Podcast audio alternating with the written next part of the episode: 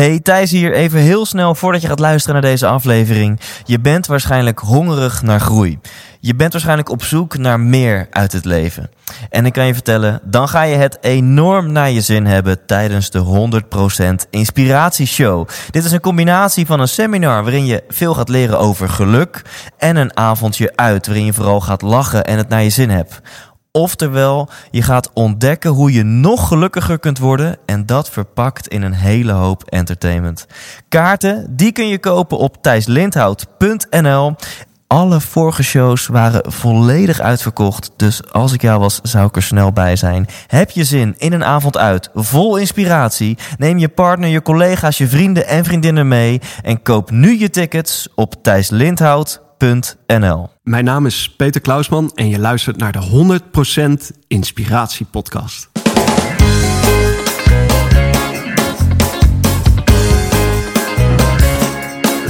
Hey, wat goed dat je luistert. Hij staat weer voor je klaar. Je wekelijkse dosis inspiratie is weer daar. De allerleukste gasten geven al hun kennis prijs. Met je veel te blije host, hij praat je bij. Zijn naam is Thijs. Thijs,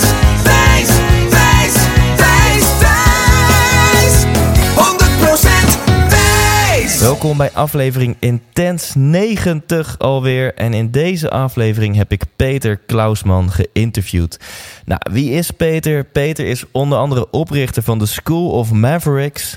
En hiermee geeft hij trainingen zoals op zijn website staat, eh, gretige professionals die zien dat er meer mogelijk is. Dus als jij een professional bent en zit je misschien vast in een patroon, merk je dat er nog wat energielekken in jouw leven, zakelijk of privé zitten, wil je meer en weet je niet hoe? Ja, dan is Peter de go-to guy. En vandaar ook dat hij veel succes heeft met zijn trainingen, met de School of Mavericks.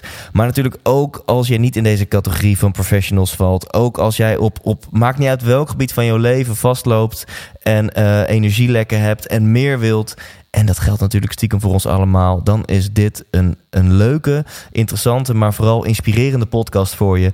Dus ja, we gaan het gewoon weer eens lekker een uurtje hebben over het mooiste onderwerp op aarde. Namelijk persoonlijk leiderschap. Maar dan wel volgens de visie van Peter. En dat is een unieke visie. Hij is echt een dwarsdenker. Om een vergelijking te geven, als je de podcast met Manfred van Doorn tof vond, dan vind je deze waarschijnlijk ook tof. En waar gaan we het dan over hebben? Uh, ja, onderwerpen die aan bod komen. Bijvoorbeeld het hebben van controle. Is dat nu wel of niet goed? We gaan het hebben over dankbaar zijn. We eindigen de podcast met een uiterst eenvoudige uh, oefening om al meer dankbaarheid te kunnen toelaten in je leven. Uh, we gaan het hebben over het doorbreken van patronen. En Peter deelt met jou zijn unieke mission model. Oftewel, er wordt gefilosofeerd, maar er komen ook gewoon hele concrete tips voorbij. Ga er lekker voor zitten. Hier is Peter Klausman van de School of Mavericks. 100% Thijs. Ik zit in de huiskamer van Peter Klausman. Ja, welkom. Dankjewel. Bedankt voor de lekkere thee ook. Goed smaakje, met liefde bereid. Ja, heeft mijn vriendin uitgezocht. Kijk, dan is het altijd goed. Ja. En uh, Peter, wat wil je worden als je later groot bent? Uh, ja, goede vraag. Uh, ik zou het niet weten, maar um, ik, ik zou in ieder geval wel lekker in mijn energie en gelukkig willen zijn. En dat, dat door, ja, door goed te kijken um, en te blijven kiezen voor de dingen die, waarvan ik weet dat ik ze gewoon eigenlijk wil. Stiekem. En dat te blijven ja. doen. Dat wil ik later worden. Blijven kiezen voor de dingen waarvan je weet dat je ze eigenlijk gewoon wil. Ja. En dat dat stukje eigenlijk gewoon wil, dat klinkt als... ja, dat zijn dingen waarvan ik weet dat ik voor moet kiezen. Ja. Maar het stiekem ook heel spannend of zo. Ja, precies. Stiekem heel spannend. En dat soort dingen zijn er, dat soort dingen zijn er voortdurend. Hè? Um, of, je, of je het nou kijkt naar het ondernemen, of als je kijkt met je kinderen, uh, als je die opvoedt, of als je kijkt uh, met je vriendin. Stiekem. dingen doen die. Ja, uh, daar, daar heb je stiekem ja, bepaalde dingen met jou doen. Ja, die kant gaan we denk ik niet ander op. interview. Ja, ander, ander Ja. interview. Nee, maar um, ja, het is voortdurend in het leven. En ik denk dat het leven bestaat uit uh, de hele tijd mooie kleine uitdagingjes om te kijken, doe jij hetgene waarvan je donders goed eigenlijk weet dat je te doen hebt. En hoe meer je die dingen doet, uh, ga je eigenlijk de uitdaging aan, maar maak je het wel mooier Ja. en interessanter. Doe jij hetgene waarvan je donders goed weet dat je dat zou moeten doen? Ja, voor sommige Ja. dingen wel. Voor sommige dingen moet ik eerlijk zijn, nee. Nee, Ja. want ik, ik blijf ook mens en het, eh, je wordt, wordt makkelijk verleid om eh, toch af en toe iets makkelijks te doen. Ehm, ja, ik zit aan, aan, aan voorbeelden te denken. Eh, maar het- gewoon hele simpele voorbeelden. Als je gewoon thuis bent met je, met je kinderen. Wij hebben twee kinderen eh, van twee en drie. En eh, ja, je, je weet donders goed wat voor een papa je wil zijn. Dat je meer met ze wil spelen. Maar ja, je bent af en toe ook moe en, en eh, eh, wil niks. Maar je wil ook helpen grenzen verleggen. En, en eh, hè, dat ze de wereld uitgaan, uit de uitdaging aangaan. Mijn, mijn, mijn zoontje van drie, die is best een kat uit de boom kijken. En heel voorzichtig. En nou, als hij de tuin uitgaat, dan, eh, dan is dat al een overwinning.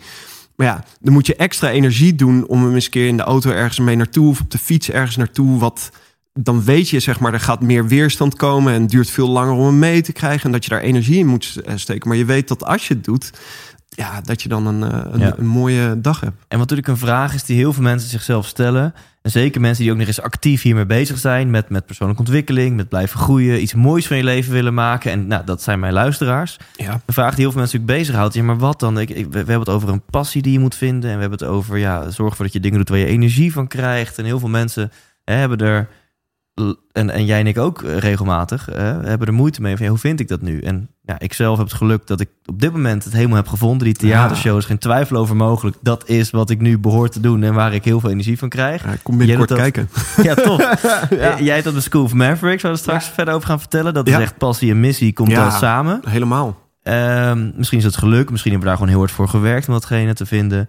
Ehm, nou, hier komt een vraag uit. Wat is mijn vraag dan? Je zegt heel mooi, hè? doe je hetgene waarvan je van binnen eigenlijk donders goed weet, dat zou je moeten doen. Stel je daarmee dat iedereen die denkt het niet te weten, eigenlijk diep van binnen echt wel weet wat hij of zij zou moeten doen met zijn of haar leven. Ja, dat is een goede vraag. Eh, je hebt hier verschillende niveaus in. Kijk, heel veel mensen denken over een passie dat het iets enorms groots is. En door het ook zo ontzettend groot te maken, wordt het ook eng en misschien onmogelijk om te halen. Maar het, ligt juist in de kleine dagelijkse dingen. Dat je, dat je weet, zeg maar, ga ik, ga ik eh, op de bank neerploffen of ga ik nog heel even dat ding opzoeken waarvan ik weet, hier ben ik geïnteresseerd in. Ga, ga je daar één stapje in verder? Dat, dat is het, zeg maar. En het, het zit meer, veel meer in die kleine stapjes en dat je die stapjes jezelf toelaat. Ehm, ik, ik weet nog wel, ik, ik werkte vroeger bij, eh, bij Rabobank. En ehm, er was op een gegeven moment dat ik, eh, nou, ik liep de deur uit en dat ik merkte, ik zit gewoon niet lekker in mijn vel. Ik, ik zei dan ook tegen mijn vriendin van, joh, ik eh, doe mijn pak weer aan en ik speel bankier. En dat waren best wel, nou, ik was daar met veel enthousiasme begonnen en op een gegeven moment ja, raak je in een bepaalde tendens, in een sleur. En op dat moment ben ik eh, begonnen met een hobby. En ik zelf vreselijke hekel aan het woord hobby. Maar er zat wel zoiets van, ja, dit is wel iets wat ik volgens mij heel erg leuk vind. En die, die hobby was tango. Wat was er gebeurd? Mijn vader had mij meegenomen en normaal gesproken deed mijn vader allemaal dingen na die wij deden vroeger. En dit was voor het eerst dat ik iets ging doen wat hij interessant vond. En hij liet me zien, eh, hij nam me mee naar Amsterdam, Salon West was dat. En dat is eh, ja, een soort strandachtige tent was dat. En ja, ik werd in één keer gewoon helemaal gegrepen door die muziek, door de, de cadans die er is, door, door die sfeer. En ik merkte gewoon, dit, dit vind ik gaaf. Dit, ik weet gewoon, ook al ken ik de pasjes niet, als ik de dansvoer hierop stap, ik kom helemaal in mijn element. En dit is het gewoon. Ik begin Ja. helemaal te glimmen. En nu merkte ik bij mezelf dat ik er best wel iets van vond. Ik vond het suf. Ik vond het heel suf. Tango, dat is iets voor oudere mensen. Je hebt ook veel oudere mensen die het doen. Dan moet je dompasjes leren. Nou, e- eerlijk gezegd, ik eh, eh, kan best goed dansen. Hè? Dus zet iets op en, en eh, het ziet er echt goed uit. Dus ik heb daar een bepaalde trots in. Dus ik dacht, ja, ik ga niet stomme, stomme dansje, danspasjes leren. Dat vind ik niks. Maar dat, dat zijn zeg maar dingen. Dan heb je, hè, je hebt een bepaald beeld van jezelf. Ik ben goed hierin. En dat weerhoudt je om eigenlijk te doen waarvan je weet, oké, je moet hier moeite in gaan doen. Je moet die stapjes leren. Want als je, dat, eh, hè, als je daar meester van bent, dan wordt het leuk. Ja, en er zijn wel oudere mensen, maar daar heb jij niks mee te maken. Want jij bent gewoon jouw ding eraan het doen. Nou, en toen ik me daar eindelijk overheen durfde te zetten over mijn eigen ja, schaamte voor mezelf of zo. Toen ben ik echt vier dagen per week gaan tango dansen. Ook later in Buenos Aires. En het, het, het, was, het was echt... Ik ben zo blij dat ik dat heb gedaan. Maar op het moment dat ik dat deed... toen merkte ik ook gelijk een ontzettend verschil... tussen die passie en het weten wat je moet doen... In, in alle vezels van je lichaam, elke stap. Je hoort die muziek en je kan hem vertalen... en je kan leiding geven aan, aan je danspartner. Dat en het verschil op mijn werk dat je daar zo. Dan wordt dat opeens een hele droge boterham. wat je aan het herkauwen bent. van ja, wat ben ik hier eigenlijk aan het doen? En dat was ook een moment dat ik dacht. Ja, waarom kan ik dit gevoel niet op mijn werk hebben? Ja. Je had ineens vergelijkingsmateriaal. Precies. Dus je, je, je baan was medium. Of misschien nog wel minder. Je kreeg er geen energie van. Maar op het moment dat je hele leven misschien een beetje zo is, dan, dan valt het minder op. Ja. op het moment dat je ineens iets vindt waar je super veel energie van krijgt, dan heb je eens vergelijksmateriaal en merk je van, oké, ik zit echt niet op mijn plek hier bij de bank. Ja. en dat is dus het interessante. Als je, de, als je daar naar kijkt, zeg maar, heel veel mensen hebben dit vergelijkingsmateriaal niet. En die denken ook, er is niet zoiets als een passie. Maar ik ik denk dat iedereen dat wel heeft, dat hij gewoon dat hij twinkelende ogen ergens van kan krijgen. En dat hij gewoon echt iets leuk kan vinden. En de, de grootste reden dat je dat niet doet, is dat je het jezelf niet toelaat. Of dat je niet kan voorstellen dat er zoiets voor je bestaat. Dus dat je niet op zoek gaat. Of dat je gewoon denkt: nee, dit is te eng, ik ga het niet doen. Hè, bijvoorbeeld motorrijden kan heel erg leuk zijn, maar je denkt: ja, je hebt twee typen motorrijders. Degene die een ongeluk hebben gehad en die het nog niet hebben gehad. Ja, ja, ja. Ga ik dit doen, ja of nee? En, en dan doe je het maar niet. Ja, en dan zal je nooit die flow dat je daar op die motor zit en is, voelt hoe het is op de snelweg te zitten zonder zo'n veilige auto om je heen. Weet je? Of, of de, de, dat, dat, dat zijn dingen. Je, je staat het jezelf niet toe. Ik denk dat iedereen dus echt die passie heeft. Ja, en dan een hele moeilijke vraag, maar wel interessant. Dus als je gewoon goed voelt bij jezelf, dan weet je vaak wat het antwoord is. Hè? Want je gevoel gaat door de ruis in je hoofd heen. Ja. En heb je dan, dan tips om, om bij dat gevoel te komen? Hè? Dus, dus als mensen denken, ja, maar ik heb soms echt het idee dat ik het niet weet. Links of rechts, wel of niet. En jij zegt, nou, eigenlijk weet je het hartstikke goed, maar je hoofd komt ertussen. Ja. Um, hè, hoe, hoe weet je dan wat, wat de juiste keuze is? Um, ja, het zou heel makkelijk zijn om hier gewoon even snel antwoord op te geven. Uh, maar ik heb bij mij in ieder geval gemerkt dat het lang duurde voordat dat doordrong. Ook al was dat stemmetje ergens. Ja. Uh, en, en je hoofd is echt een krachtig iets. Uh, dus dat stemmetje komt er niet zo 1, 2, 3 tussendoor. En je hebt daarnaast ook heel veel opgelegd gekregen van ouders en van nou ja, je bent een baan gaan doen. En een van de grootste redenen dat je die baan hebt, is voor financiële zekerheid. Dus dat, dat zijn allemaal stemmetjes die daar zitten. Ja, en wie ben jij dan om nou eens een keer je mond open te trekken binnen het bedrijf of überhaupt iets anders te gaan doen? Dat, dat, daar zitten zoveel stappen al tussen. Dus uh, één tip die ik daar wel in kan geven, begin gewoon klein met iets raars, met iets leuks. Hè? Toegeven aan een rare hobby. Ja. Uh, ik, ik ken mensen die, uh, die mozaïek leggen zijn begonnen. Maar daarin dat ze wel wakker werden van... hé, hey, ik kan me ook heel erg ergens in uh, uit, uitbundig laten gaan, zeg maar. Wat misschien iets doms is... Maar het is er dus wel, weet je. Dus wow. begin het eerst in ja, het kleine ik denk dat een hele goede is. Begin klein. De, de, iemand die ik ook heb geïnterviewd, Tibor Orgers, die zegt ook van ja, als, je, als het te groot is, komt je ego in de weg en dan doe je het niet. Dus je hoeft niet meteen vier dagen per week te gaan tango dansen, oh. maar doe iets kleins. Iets, iets waarvan de stap zo klein is dat je minder weerstand voelt. Dat je, ja, dit ga ik gewoon even doen. Ja, ja, ja. Ja, Toch? helemaal, helemaal gelijk. Ja. En eh, mensen horen nu al van, nou, eh, interessante kerel die Peter, heeft wat te vertellen.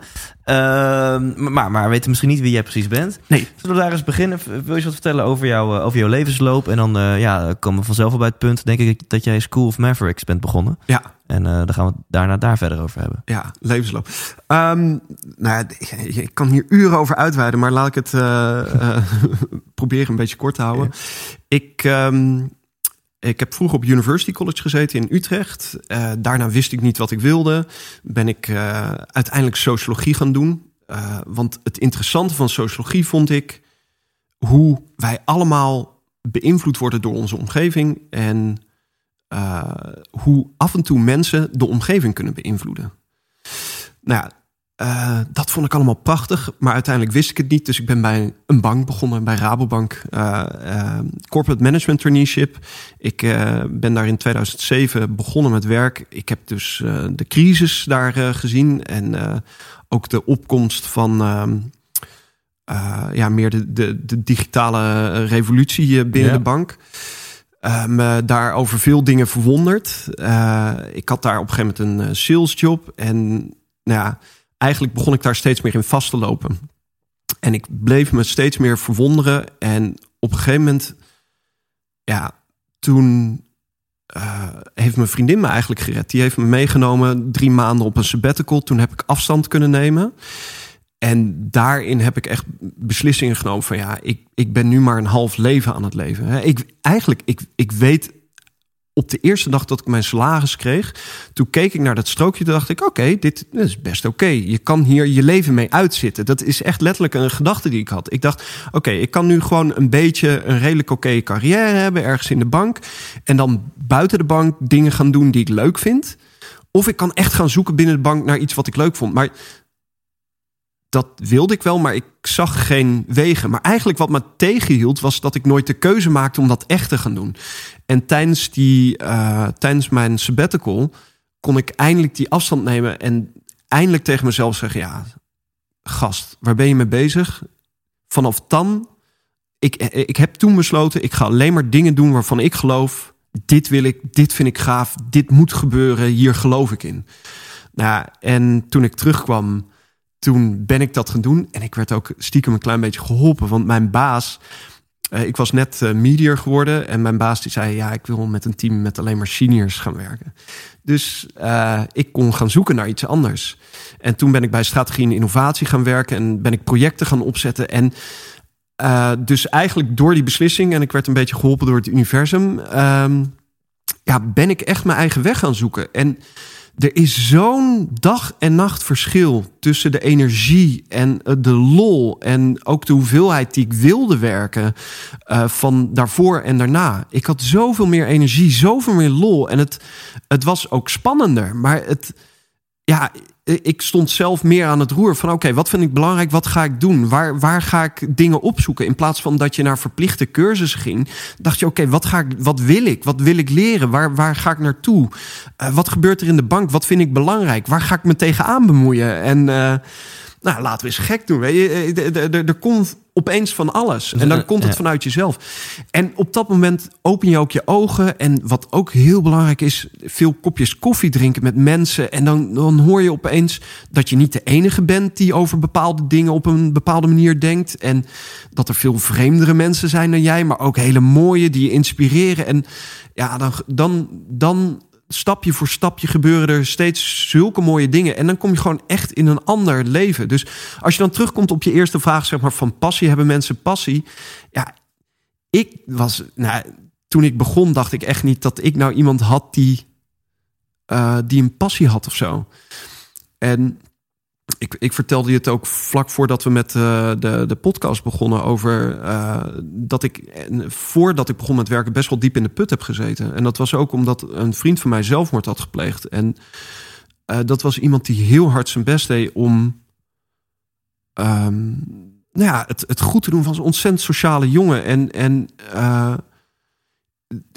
ik zag het niet aankomen. Heel veel mensen zagen het niet aankomen. En het Um, nou, hij, hij liep vast in die manier van leven. En dat heeft mij zo'n indruk bij mij gemaakt dat ik dacht van ja, dit is niet de manier waarop ik wil leven. Dus de, de, er was al zo'n nou, zaadje geplant, levensles erin van ja, eh, zoek hetgene wat jij te doen hebt.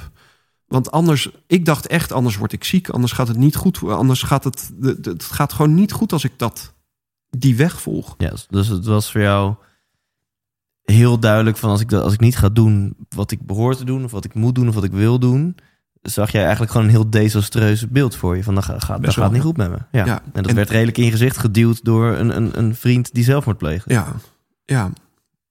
Ja. En, en het, het stomme is dat ook al krijg je dat in je gezicht geduwd... en, en uh, meerdere keren met, met andere dingen ook... het duurt nog...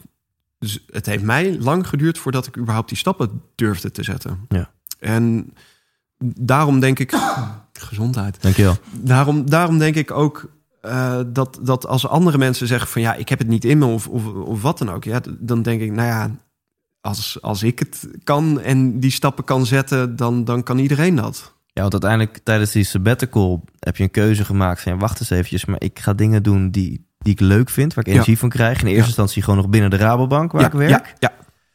En, en toen je dat bent gaan doen, uh, wat, wat, wat, ik eigenlijk het mooie hieraan vind, is dus gewoon weer dat keuzemoment. Weet je wel? Als, als je gewoon het knopje in je hoofd omzet van ja, maar ik neem geen genoegen met een zesjesleven. Ik wil een acht. Ik wil de dingen doen waar ik energie van krijg. En dan zie je het pad nog niet. Het is, er is niet ineens een heilige graal of het tien stappenplan of het drie stappenplan. Nee. Maar ineens is het een, ja, een ander bewustzijn, een andere keuze die leidt tot andere gedachten en door, door ook een ander zicht of zo, een andere visie op je eigen leven. En nou, jij krijgt dan ook een beetje hulp van het universum. Ja. Maar het universum lijkt je wel vaker iets te helpen op het moment dat je voor jezelf die keuze hebt gemaakt. Ja, nou ja, en als je terugkijkt, ik bedoel, al die schoppen onder mijn reet die ik al eerder heb gehad, die waren al eerder. Maar het is, eh, ja, op welk moment geef je er gewoon een beetje aan over en, en durf je ervoor te gaan staan? Dat, dat is het ook. Ja. En dan zie je dat er opeens wel passie in je donder zit. En dat je met twinkelende ogen naar je werk gaat en dat je in een flow komt. Ja, ja. Maar het heeft gewoon met, met angst te maken.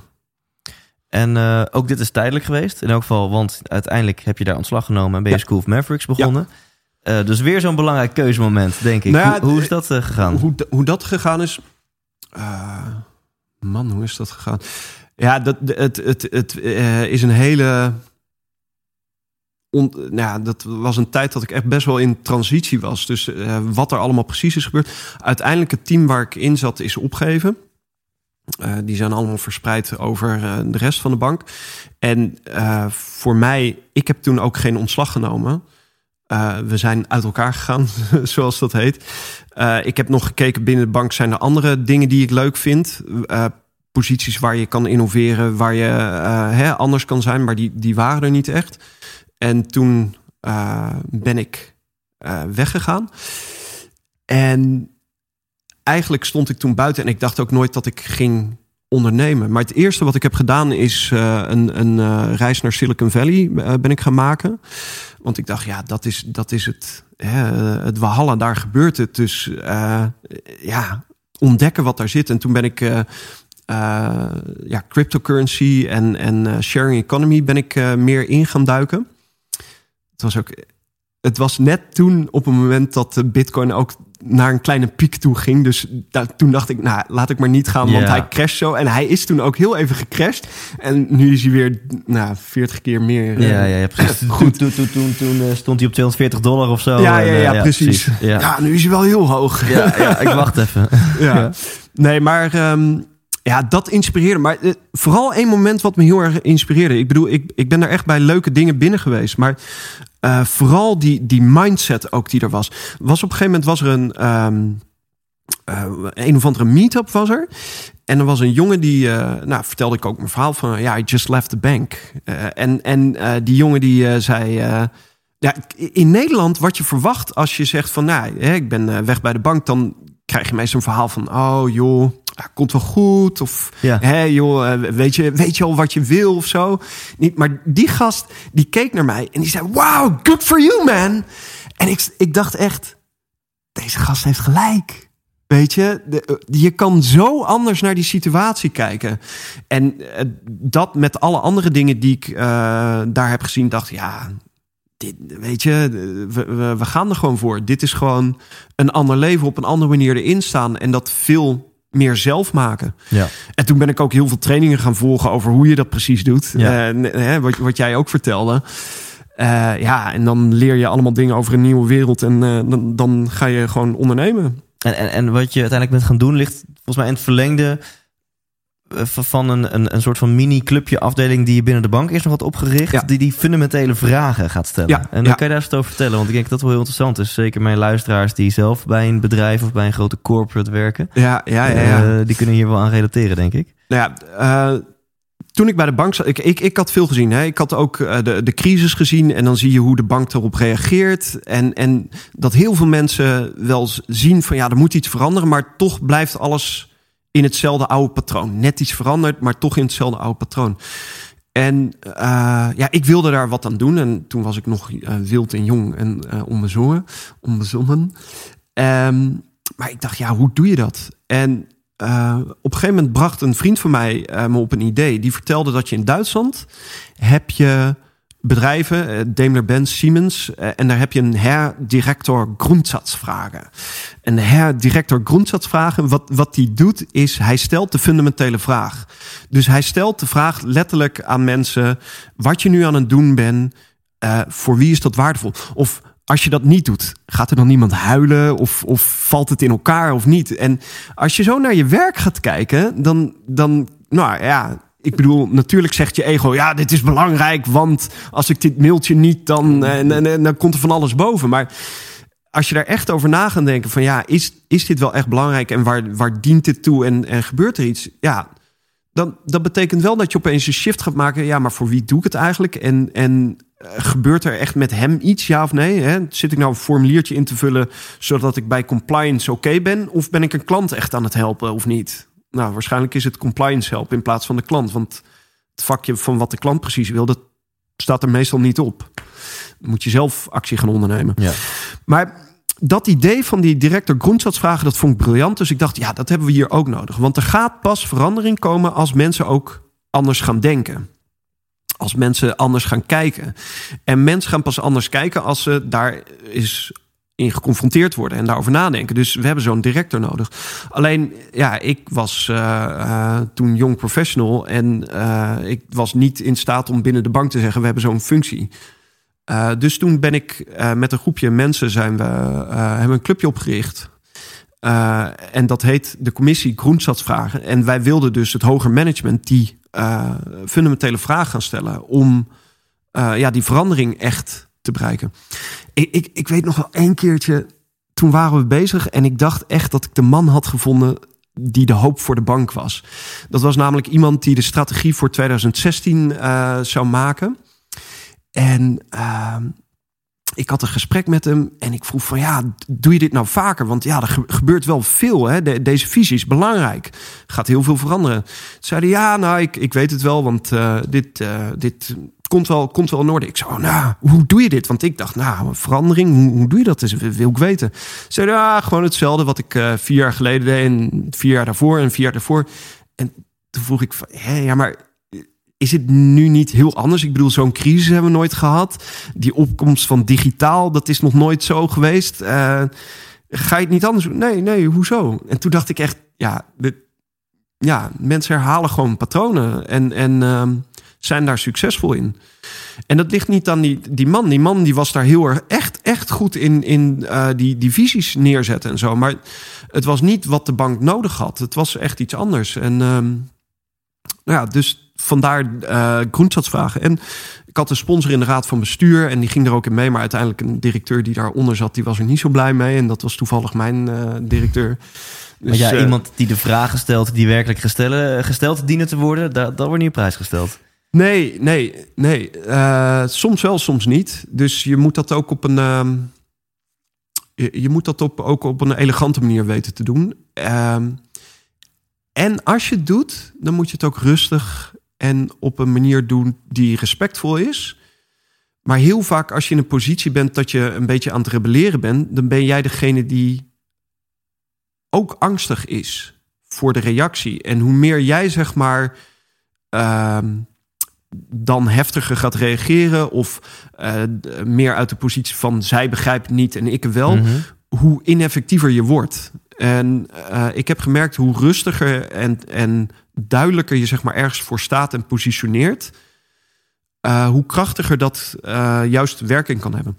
Maar een van de allerbelangrijkste dingen die we, waar we achter kwamen bij de, director Grondstadsvragen is dat je kan wel hele grote plannen hebben en bij andere mensen iets ehm, willen veranderen. Maar we merkten dat eigenlijk de meeste kracht die we hadden was als we ons eigen gedrag gingen veranderen. Want we waren op een gegeven moment bezig met principes. Van welke principes vinden we nou belangrijk? Hoe leggen we nou uit wat we aan het doen zijn? En toen we die aan het maken waren, toen keken we naar ons eigen gedrag, wat we in onze eigen meetings, vergaderingen en zo deden. En toen zagen we, ja, dat komt eigenlijk ook niet zo overheen. Hier lopen we ook tegen dingen aan die ook een afspiegeling zijn van wat er hoger in de bank Ja. eh, gebeurt. Ja.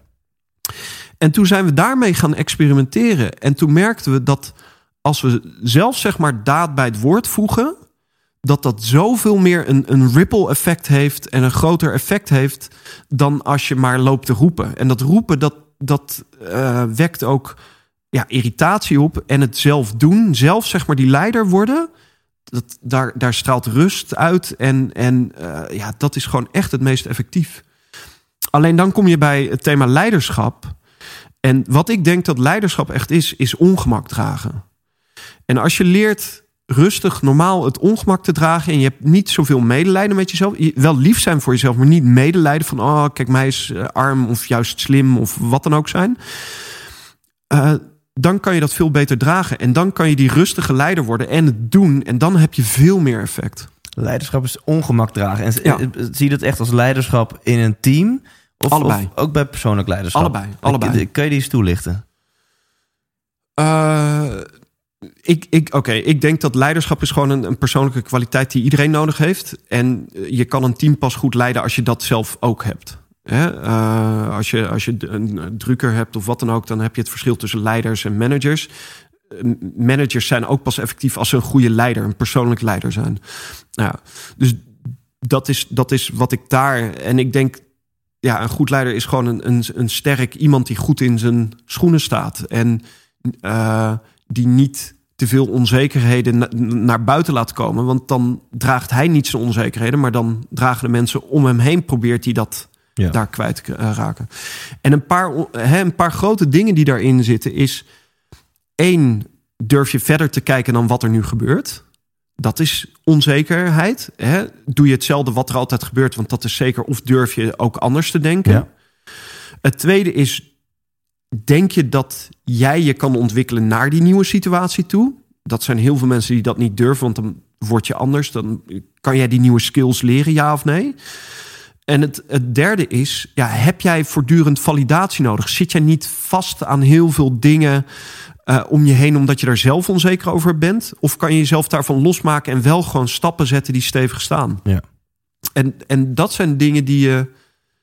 Ja, ik, ik noem dat disruptive mindset. Anders durven kijken. Eh, eh, De growth mindset, hè, heel erg bekend. Durf ik, durf ik moeite te doen om te ontwikkelen. Eh, en impact mindset. Durf ik eh, me los te maken van wat ik denk dat me vasthoudt?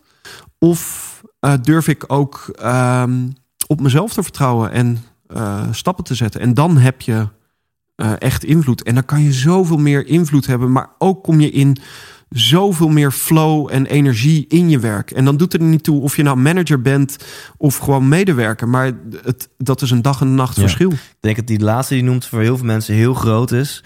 Eh, durf je je los te maken van externe validatie. Van een van je ouders, Ja. van je partner, van je omgeving. ja. Eh, dat is denk ik, in, eh, als het gaat om persoonlijk leiderschap, keuzes maken over je eigen leven, een hele relevante voor veel mensen. En de meeste mensen durven dat ook niet, hè? Ja? Nou, ja, leiderschap vinden ze eng, want dan moeten ze zelf dus beslissen. En dat weten ze eigenlijk helemaal niet. En ehm, ik, oké, dit is misschien een beetje. Oké, vroeger heb ik bij het, eh, nou ja, eh, als ik dit in mijn trainingen vertel, dan, dan eh, wordt er altijd wel op gereageerd, omdat mensen hier altijd iets van vinden. Maar Oké. ik, Dit ik heb is vroeger. interessant. dan Ik wordt het altijd interessant. Ik heb vroeger bij het koor gezeten en bij het studentenkoor. En ik heb daar de, de ontgroening geleid. Of ik zat in de commissie die de ontgroening leidde. Dus wij hadden 250 feuten die we twee weken lang mochten entertainen. en um, wat, je daar, wat ik daar zag, dat is gewoon een afspiegeling van wat ik later ook in mijn leven heb gezien. Er was op een gegeven moment een situatie dat um, wij probeerden de, de feuten uh, wat zelfstandiger te maken. Hè? Want het is heel makkelijk om grijze muis te zijn, kop omlaag. Maar we wilden juist laten zien. Uh, je komt nu in een periode die interessant is, waar veel gebeurt, waar je, uh, waar je juist iets van kan maken. Je studietijd, dat is gaaf. Dus zorg niet dat je grijze muizen bij het soepie, maar maak er iets van. Ja. Nou, en dat, we waren dus echt een beetje aan het opjutten. En ik maak daar een kleine fout in. Normaal gesproken sta je veilig op een podium. En het podium is twee meter hoog. Dus dat geeft een ontzettend autoriteitsgevoel. En uh, voor men, als je niet op het podium staat, dan kijk je dus de hele tijd omhoog. En dat geeft een ontzettend gevoel van ik ben niks. Dat doe je natuurlijk expres. Maar ik was op een gegeven moment van het podium af. En ik stond dus tussen 250 feuten. En die dacht opeens, oké, dit is ons moment. Dus die begonnen hard hun lied te zingen. En die die kring werd steeds kleiner en kleiner en kleiner en kleiner. Maar ik werd dus op een gegeven moment opgeslokt. Maar ja, aan, het eind, aan de buitenkant van die kring wisten ze niet of ze er al waren aan de binnenkant. Dus dat werd steeds meer dringen, dringen en kleiner. En eh, begon een beetje eng te worden. Hè, uh, is dit nou dat er een suf ongeluk wordt dat iemand uh, fijn gedrukt wordt of, of niet? Hè, per ja. ongeluk. Dus ik dacht, oh, hoe, hoe ga ik dit doen? Want ze waren ook hard aan het schreeuwen en ik was mijn stem kwijt. Dus ik kon er ook niet overheen. Dus wat, wat doe je dan? Maar ik zag in de ogen van de, de mensen dichtst om me heen, daar begon steeds meer twijfel te komen. En ik dacht, ah, hier gebeurt iets. Dus wat ik toen deed, was eigenlijk heel simpel. Ik stak mijn hand omhoog. En toen werden ze stil. Want wat er eigenlijk bij hun speelde, is ze hoopten dat iemand anders het alsjeblieft van hen weer overnam. En toen zei ik, jongens, ik ben trots op jullie. Nu weer allemaal terug naar je appelrij en daar gaan staan. En wut, iedereen was weg. En dat zie je dus de hele tijd. Mensen durven tot een bepaald moment wel stoer leiding te nemen. Maar als het te eng wordt, dan hopen ze heel erg graag dat iemand anders het overneemt. Ja. ja. En op dat moment eh, zag ik dus ook um, waarom leiderschap ook de, zo makkelijk de foute kant op kan gaan. En, en uh, ik heb er dus ook mee gestruggeld. Ja, als je dan op een podium staat, wat ik dus nu ook doe als ik training geef, dat ik wel heel bewust ben. Wat geef je mensen mee? Want mensen vinden het fijn om het over te geven. Maar ik wil je juist mensen weer bewust maken van eigen leiderschap, een eigen richting. En dat ze in hun eigen werk, hè, ik richt me vooral op professionals in organisaties. Als zij zien dat het anders kan, dan kan dat. Je kan je werk creëren dat je het echt prachtig hebt en veel meer energie en dat je daar sterk in staat. En kan hier, dit is een hele mooie brug. Want ja. uh, mensen denken nu, ja, ja, ik wil dat. En jij zegt dat ik dat kan. Dus hoe? Wat is School of Mavericks? En, en, en wat doe je en wat leer jij in je trainingen? Ja, in, in mijn trainingen leer ik hoe je maverick bent. En wat eigenlijk een maverick is, uh, hele simpele metafoor, is um, uh, heel veel mensen zijn schaap in een kudde. En die lopen daarin mee. En een maverick is eigenlijk het eerste schaap over de dam. Die ziet, hey, hier kan iets anders. Het gras is groener aan de overkant. Laat ik daar eens naartoe gaan. Maar hij, is dat, hij doet dat niet in zijn eentje. Doordat hij dat doet, gaat de hele kudde mee. En kunnen er meer mensen uh, daarvan genieten. Oftewel, hij neemt de rest ook mee naar een hoger niveau. En dat komt omdat hij uh, durft met oude patronen te breken. Want oude patronen, als je erover nadenkt, het is we zitten nu in bepaalde bedrijven en het gaat op een bepaalde manier. En dat brengt ons veel. He, daar zit een goed businessmodel achter.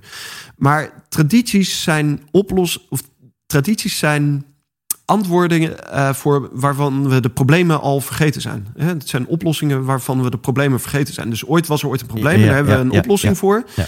En, en dat is nu het spoor waar we in vastzitten. En je hebt continu gewoon mensen nodig die uh, het spoor weer verleggen en zeggen: Nou, jongens, er is weer iets, iets nieuws. En daar komt veel uh, ja, lef bij kijken en, en uh, persoonlijk leiderschap en effectiviteit. En dat is wat ik mensen leer in de School of Mavericks. Ja, dus als jij voor je gevoel een Maverick bent. Of hè, wil zijn. Of wil zijn. als je merkt binnen jou ja, je richt wel professionals, dus Ja. mensen binnen organisaties. Ja. hè, niet zozeer op ZZP'ers. Nee. nee dus eh, als je merkt van ik, ik, ik wil een verandering in gang zetten in mezelf, in mijn team, in mijn bedrijf, maar ik weet niet hoe. Dan, dan ben jij eigenlijk zeg maar de, Ja. de, de, de, place to be. Zeker En, en hoe gaat het dan in zo'n training? Ik ben heel benieuwd wat jij mensen meegeeft in zo'n training. Om, om dus, ja, je wil een beetje de katalysator zijn, denk ik. Ja. Je wil ze vertellen Ja. dat het kan. Ja, ja. Ehm, nou, waar, ik- waar ik eh, eigenlijk altijd mee begin is, is mindset. Hoe zit je zelf in de wedstrijd? Want dat is het, het meest bepalende eh, wat er is. En heel vaak. Eh, nou, dus eigenlijk zijn er twee vragen die binnenkomen. Eh, mensen die zeggen: Ik zit zelf ergens in vast en wil eruit komen. Ik wil sterker eh, erin zitten. Nou, die kijken meestal naar zichzelf. Maar je hebt ook vaak mensen die zeggen: Ja, ik begrijp het wel, maar anderen begrijpen het niet. En ook daar zeg ik, ja, begin eerst te kijken hoe je zelf in de wedstrijd zit. Want er zitten zoveel dingen, aannames, patronen bij jezelf, waardoor je zelf niet zo effectief bent als je hoopt dat je kan zijn. Nou, de dingen die ik doe, ik begin meestal met. eh, ik, ik heb eigenlijk een heel model ervoor. En dat heet het mission model. Het begint bij mindset, dat is de M. Daarna is de I van intention mindset, dan ga je groter denken. Dan ga je eh, dan. Ehm, hè, dat was dat disruptive mindset waar we het net over hadden. Dat je, dat je verder kijkt. Een growth mindset. Dat je gaat investeren in jezelf om te groeien. Omdat je gelooft dat het eh, de moeite waard is. Ja. Eh, impact mindset. Dat je weet dat je jezelf vrij kan maken van al die validatie. En dat je gewoon stevig durft te staan. Ja. Want dan ga je impact maken. Maar dat is alleen maar je mindset. Daarna omdat je daarvan vrij bent, kan je een, een, veel heldere en een grotere intention zetten. Wat wil ik eigenlijk, waar ben ik hier voor? Wat wil ik doen? Dan heb je het lef om te kiezen voor hetgene wat je eigenlijk wil doen. Nou, als je dat hebt gedaan, dan wordt het tijd dat je dat niet voor jezelf houdt, maar dat je daarvoor gaat staan. Dat is de S. Dus M, mindset, I, intention, S, stand up dat je daarop eh, voor op gaat staan. Maar op zo'n manier dat je niet mensen in de haren vliegt. En dat mensen gelijk wel iets hebben van... Ah, dan heb je een irritante etter met, met eh, allemaal moeilijke dingen. Nee, maar op zo'n manier dat mensen zeggen... Ah, fijn dat je dit doet. Want mensen willen een leider... Maar wel op een bepaalde manier. En op het moment dat je dit doet, dan merk je ook dat de dynamiek gaat omdraaien. Als je dit goed doet, dan komen mensen naar jou toe. En dan merk je opeens dat je niet de enige bent. Hè? Ik Ja. weet nog wel dat er mensen naar me toe komen die zeggen: Ja, ik ben de enige in dit bedrijf die er zo over denkt. Dan zeg ik: Nou, sorry, maar ik ken nog drie anderen bij jouw bedrijf die er ook zo over denken. En de enige reden waarom dat is, omdat iedereen zijn kop naar beneden houdt en het niet vertelt. En als je ervoor durft te gaan staan, dan gebeuren de magische dingen. Dan draai je echt nou ja, dan kies je ervoor. En net zoals wat ik op een gegeven moment deed tijdens mijn sabbatical. Dan kies je voor, oké, hiervoor ga ik echt staan. Dit ga ik doen. Ja, dan gebeuren de magische dingen. Maar omdat mensen het zien, herkennen... en er je veel meer goodwill hebt dan je denkt. Mits je maar de juiste mindset hebt. Ja. Ehm, nou, daarna ga je bouwen aan een supportsysteem. Hè? Zorgen dat je steun blijft houden, ook als het moeilijk is. En supportsysteem is ook eh, dat je niet alleen alles op wilskracht hoeft te doen, maar dat er gewoon eh, repeterende eh, gedrag ook in zit. Ja. Maar ook mensen om je heen die je steunen. En dat je geïnspireerd blijft. Dus luisteren naar deze podcast is een ding wat hier perfect in zou passen. Blijf geïnspireerd. Dat is zo ontzettend belangrijk. Ja, dat is. hè, dan heb je twee S'en. Dan komt de I. Dat is initiate. initiate. Dus, of innovate. Maar ga in ieder geval dingen. Eh, stappen nemen. Want je bent ergens voor gaan staan. Je hebt mensen die dat ook oké vinden. En dan is het zo belangrijk om stappen te gaan zetten. Ja. Zodat je jouw grote visie in hele kleine stapjes laat zien van ja, het kan. Nou, er, zijn ook bepaalde dingen voor die daar beter in werken en minder in werken. Maar op een gegeven moment heb je aangetoond dat iets kan, iets werkt. En dan begint het operate tactically. En dat is de O. En dan moet je zorgen dat dat kleine geïntegreerd gaat worden. En dat gaat heel erg over goed luisteren, eh, begrijpen wat de belangen zijn, dat je mensen daar makkelijk in mee kan krijgen. En het laatste is de N van never give up. En dat is dat je het, het mooie wat er gebeurt is als je deze stappen volgt, dan ben je niet meer wat er op je kaartje staat, maar dan ben je echt letterlijk voor een missie, voor jouw ding ben je gaan staan. En dat is waar je nooit in opgeeft, want dan heb je iets gevonden. Oké, dit is waar ik nu bekend voor ben. Oh nee, ik dacht, moet ik iets dichterbij? Nee, nee, nee, gaat oké. Even afgeleid. Ja. Eh, maar dan heb je iets gevonden waar je, waar je eh, ook voor gezien en gevraagd wordt. En dan ben je minder bang om eh, je baan misschien kwijt te raken. Want je weet dat je gezien wordt voor iets. En dan komt er veel makkelijker daarna weer iets voor terug. Ja. En ja, dat, dit verandert je leven gewoon. Als, als ik dit hoor, en ik hoop dat het ook geldt voor mijn luisteraars, dan, dan klinkt, dan voelt het al zo anders, weet je wel? Dat Ja. voelt al zo anders dan accountant zijn of consultant of Ja. manager of wat dan ook. Dat je ineens merkt, wow, ik ga, ik ga ergens voor staan. ja, En, en ik kan nog steeds mijn huidige functie behouden, maar ik, ik ga er meer betekenis in gooien, meer mij in gooien. ja. Dat, eh, kun je misschien een, een tof voorbeeld of verhaal vertellen van, Oh van, van, van slachtoffers van jouw training? wat, wat die hebben gedaan? Eh, ja, moet ik even weten of ik, eh, wat ik allemaal mag vertellen en niet. Eén één voorbeeld. Eh, ja, dit wordt wel veel geluisterd, dus ik weet niet of ik het allemaal kan vertellen. Oké. Ehm, er is natuurlijk ook zoiets als privacy. Maar ik. nou, er, er is één voorbeeld, ambtenarij. en ik noem nog geen namen. Maar ehm, eh, de OR zat helemaal vast. Het aannamebeleid van de hele gemeente was een grote gemeente. eh, zat vast. Eh, en de leeftijdsgrens van de mensen die hier werkten werd dus steeds hoger. Dus er was weinig representatie van jongeren in die hele gemeente. Terwijl je als gemeente een afspiegeling wil zijn wat Ja, er echt, ja. echt speelt.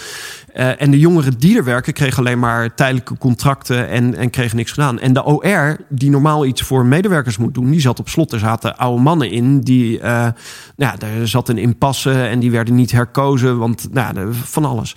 En toen is een club jongeren dus opgestaan en die heeft hier dus echt eh, een punt van gemaakt. En, en eh, dus ook volgens de, de, de mission-methode.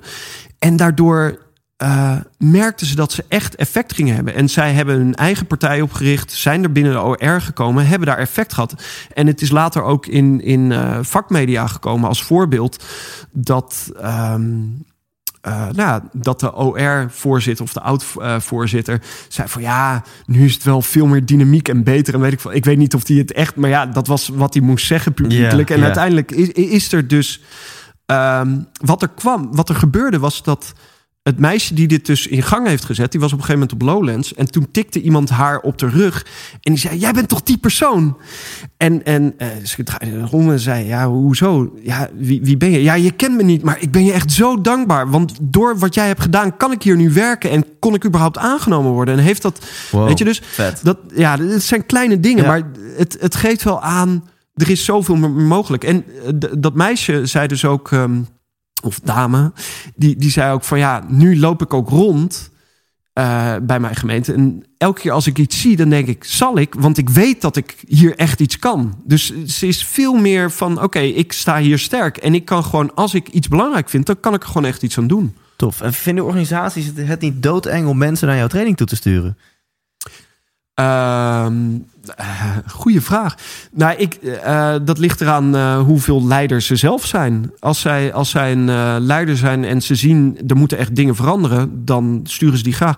En er zijn twee dingen die ik doe. Ik doe open trainingen waar mensen zelf naartoe kunnen. Dus Ja. dan hoef je bedrijf het niet eens te weten.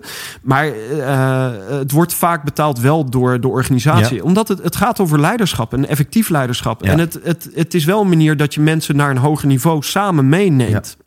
Dus ehm, eh, kijk, het, het klinkt eng, want de boel gaat veranderen. Maar eigenlijk word je gewoon een veel effectiever eh, eh, professional. Ja. En, ehm, en daarom zit ik ook vaak bij organisaties. En me- meestal wat die doen is een, hè, kort, dat ze een korte inspiratie willen. Gelukkig zijn er ook bedrijven die het aan willen om het, het wat langer te doen. Ja, echt een traject in te Ja. En nou ja, eh, ook heel wat van mijn luisteraars... die zullen niet eh, in loondienst zijn... of niet bij een groot bedrijf werken. Maar dan kunnen ze wel een keertje langskomen. Gewoon, eh, Precies, bij- kan ik een keer- want- want ja. Vertel misschien eens wat. Het is misschien een hele open vraag... maar weet je, jouw visie op persoonlijk leiderschap... we hadden het er net al een beetje over. We, hebben een, een, we, we delen dezelfde held, Manfred van Doorn... Ja, die eigenlijk het geweldige hele gast. wereldje van, van, van ja, ja, de maakbaarheid van het leven in mijn ogen onderuit schopte. Zo Ja. van, ja maar Thijs, ehm, jij kan wel wat met het leven willen, maar misschien wil het leven wel wat met jou. Ja, Eh, en daarmee zegt hij heel veel met heel weinig woorden. ja. Ehm, kan je misschien eens wat vertellen over, over, over jouw visie? Oh, wauw. Open vraag. Uh, uh, mijn visie op het leven of leiderschap? Nou, of ja, waar we het net eens over hadden, de Ja. maakbaarheid van het leven, persoonlijk leiderschap, wat, wat, wat we ook al eerder zeiden, van hè, je, je voelt dat je iets wil, maar je vindt het eng. Ja. Oké, waar te beginnen? Nou, eh, één ding wat ik zeker weet is dat ik het niet zeker weet. Dat, dat is echt. En het is iets wat me ontzettend bezighoudt. En ook de, de, de kant die mensen meer, eh, misschien meer spiritueel uh, vinden. Ik, ik weet wel dat op het moment dat ik in mijn leven uh, anders er ben naar gaan kijken. en voor mij betekent dat dat ik me af ging vragen: ja, zouden dingen nou toevallig gebeuren of met een reden? En op het moment dat ik ben gaan experimenteren, oké, laat ik eens geloven om ervoor te kiezen dat dingen gebeuren voor de reden en dat dingen dat, dat het leven mij iets probeert te vertellen. Ja. Vanaf het moment dat ik dat ben gaan doen en momenten dat ik daar meer in zit, ja, dan gebeuren er echt prachtige dingen. En het is eng. Het, het, het is namelijk een bepaalde overgave, zeg maar, die je daarvoor over uh, hebt. Maar dan gebeuren er hele bijzondere dingen. En dan merk je ook dat je echt ontwikkelt. En dat meestal zit daarna voor mij een fase dat je weer denkt: ah, ik heb het onder controle, ik, ik ga het op deze manier doen. En dan vernauwt het weer of zo. En dan, ja. dan hou je dat ook wel een tijd vol. Maar dan op een gegeven moment dan merk je dat de wielen onder je wagen beginnen af te vallen. En ja, misschien is dat weer het leven die dingen probeert te vertellen van: hé, hey, het is weer tijd voor jezelf opnieuw uit te vinden of weer, weer een volgende fase. Je, je, zou het leven kunnen zien als dans tussen controle en geen controle. Ja. En in, in die geen controle, controle, nou, ik weet niet of daar een mooi woord voor is, maar eh, in die incontrole, zeg maar, daar, daar zit, daar zit volgens mij veel meer magie. Er zit de flow, de magie, de lessen. Ja. ja, daar zit ook veel meer, meer kracht. En, en uh, dus het, de, er zitten in het leven zitten veel tegenstrijdigheden. Hè? Um, en, en dit is er ook een. Juist door overgave heb je meer kracht. Uh, hetzelfde is met discipline en vrijheid. Als je veel discipline hebt, heb je meer vrijheid. Uh, en en uh, dit is er ook zo een. Als je durft over te geven aan die dingen, maar niet overgeven van ik laat het allemaal over aan. Overgeven op een manier, oké, ik doe wat er moet gebeuren en ik sta daarvoor. Ja. Dus dan ben je nog steeds sterk, maar je staat wel open voor uh, wat je om je heen ziet, wat er gebeurt en bereid om daarop te acteren. En ja, dan, dan uh, gebeuren er mooie dingen. En eigenlijk wat ik ook hoop met, met School of Mavericks is dat ik mensen meer hierin mee wil krijgen. Uh, ga het leven groter zien dan wat je er nu van maakt. Dan, het, het is wat wij denk ik echt nodig hebben om grotere problemen op te lossen. Uh, die uh, naar ons toe komen. Maar het is ook. Het, het is zo zonde om je leven uh, op een andere manier te leven. Want dan, ik, ja, dan kijk je terug op je leven. En wat kan je dan zeggen? Ik heb gelukkig niet zoveel meegemaakt of zo. want ja. er zijn heel veel mensen die hebben, ja, die, als, je, als je echt eerlijk naar jezelf bent, dat, dat ze als je kijkt naar de acties, dat het eigenlijk gemotiveerd is. Gelukkig maak ik niet te veel mee. Het moet niet, de, de, de kar moet niet te veel rammelen. Gelukkig maak ik niet te veel mee. Ja, maar dat, zo leven we heel vaak. En dat is niet in overgave. Dat is klein en bekrompen. En dat hebben we af en toe nodig, want het is een energiebespaarstand. Maar af en toe is het ook heerlijk om uh, even gewoon echt te ademen en het open te gooien. En oké, ik zie wel wat er gebeurt. Wat, wat is het juiste? Geef me een teken en laat me daarop um, op acteren. En die tekens zijn er dan. Dus in, controle ga je niet jouw grootste levensgeluk vinden. In, nee. in controle ga je niet jouw succes vinden. Nou ja, er zijn. Ik bedoel, jij hebt ook topsporters geïnterviewd die wel goed zijn om daar gigantisch ver in te komen. Dus uh, ja, je, je bleef dan ook, uh, ook successen. Maar ik, kijk, ik denk dat het wat is dan succes? Um, en en uh, voor mij het, het, dansen met het leven en de, de, de, de, het mysterie van het leven echt aan te gaan. Ja, daar, daar zit de, de twinkeling in. Ja. En, en dat is zeg maar wat, wat het. Uh, wat het eng maakt en mooi tegelijk. Uh, en, en waar je ook pijn, echte pijn voelt, maar waar je ook mens bent. Ja. En om, om terug te gaan, zeg maar, eh, die, die, die vriend die zelfmoord had gepleegd, dat, dat was wel echt een moment dat ik dacht: ja, wat, wat is het leven wat je wil leven? Hè? Eh, en toen voelde ik echt iets in mezelf. eh, een ontzettende spanning op mijn borstkas, maar ook iets branden van binnen van... er zit hier iets en laat het er alsjeblieft uit. En ik, ik hoop dat voor mezelf steeds te blijven doen. En, en ik hoop mensen daarin Ja. te inspireren om dat steeds te doen. Ja, volgens mij is dit een hele mooie boodschap om, om ook mee af te sluiten. Want we Ja. moeten helaas ook ga- gaan, gaan stoppen. Eh, en ik, ik geef je nog een mogelijkheid zo hoor, om nog wat laatste woorden te zeggen, mocht je dat heel graag willen. Eh, wa- wa- wat ik mijn luisteraars wil uitdagen, ook in het kader van klein, want jij zegt net heel mooi, eh, stel, ik weet het niet, hè, maar stel dingen gebeuren voor een reden. Gewoon even een hypothese. Ja. En, en als wijze van experiment in mijn eigen leven ga ik er eens vanuit dat dat zo is. En vanaf dat moment ben je gaan kijken wat er is gebeurd met je leven. En dat wa- waren mooie dingen. En ja, nu zou ik aan mijn luisteraar kunnen vragen als experiment van... nou, ga eens een week lang zo leven. Maar dat is weer veel te groot, want dat vindt je ego weer niet leuk. Dus wat volgens mij iedereen kan doen die nu luistert... is dat je gewoon één moment pakt wat nu al in je leven is. Op dit moment, en je bent nu je zit in je auto... of je aan het sporten of, of de was aan het doen of weet ik veel wat... Maar je kan, iedereen kan wel iets bedenken hè, op relationeel gebied, op financieel gebied, op zakelijk gebied. Dat je denkt, ja, dit zit niet lekker. En de richting mijn vrienden en mijn partner ben ik hier altijd over aan het klagen. En wat nou als je dan nu zou veronderstellen dat dit met een reden gebeurt? En dat hier een les voor jou in zit. Misschien een leuke opdracht. Ja, een hele mooie opdracht. Leuk om eh, anders te kijken naar hoe je er altijd naar keek. En heeft de one and only Peter Klausman daar nog een, een aanvulling op? Helemaal niks. Nee, helemaal niks. Ja, ik vond dit prachtig, dus eh, dank je. Uh, Last but not least, waar kunnen mensen meer info over jou vinden? Eh, ja, die is handig op eh www.schoolofmavericks.com. En Mavericks is eh, ja, Mavericks met CK. Ja, ik denk. En als je School of Mavericks in toets met 12 typfouten in Google, dan kom je sowieso bij jou. Ja? Of Peter Klausman, Klaus met de C. Ja. Toch? ja over, overleden prins met man daarachter. Wat? Ja, prins Klaus. Oh. Met man daarachter. Als ezelsbruggetje. Ik wat zeg je nou? Ja, en nu vergeten mensen het nooit meer. Nee. Peter Klausman, School of Mavericks, onthoud die naam. Dankjewel, Peter. 100% wijs! Hey, bedankt voor het luisteren. Ik ben heel benieuwd wat je van deze aflevering vond. Eh, wil je meer weten over Peter? Check dan schoolofmavericks.com.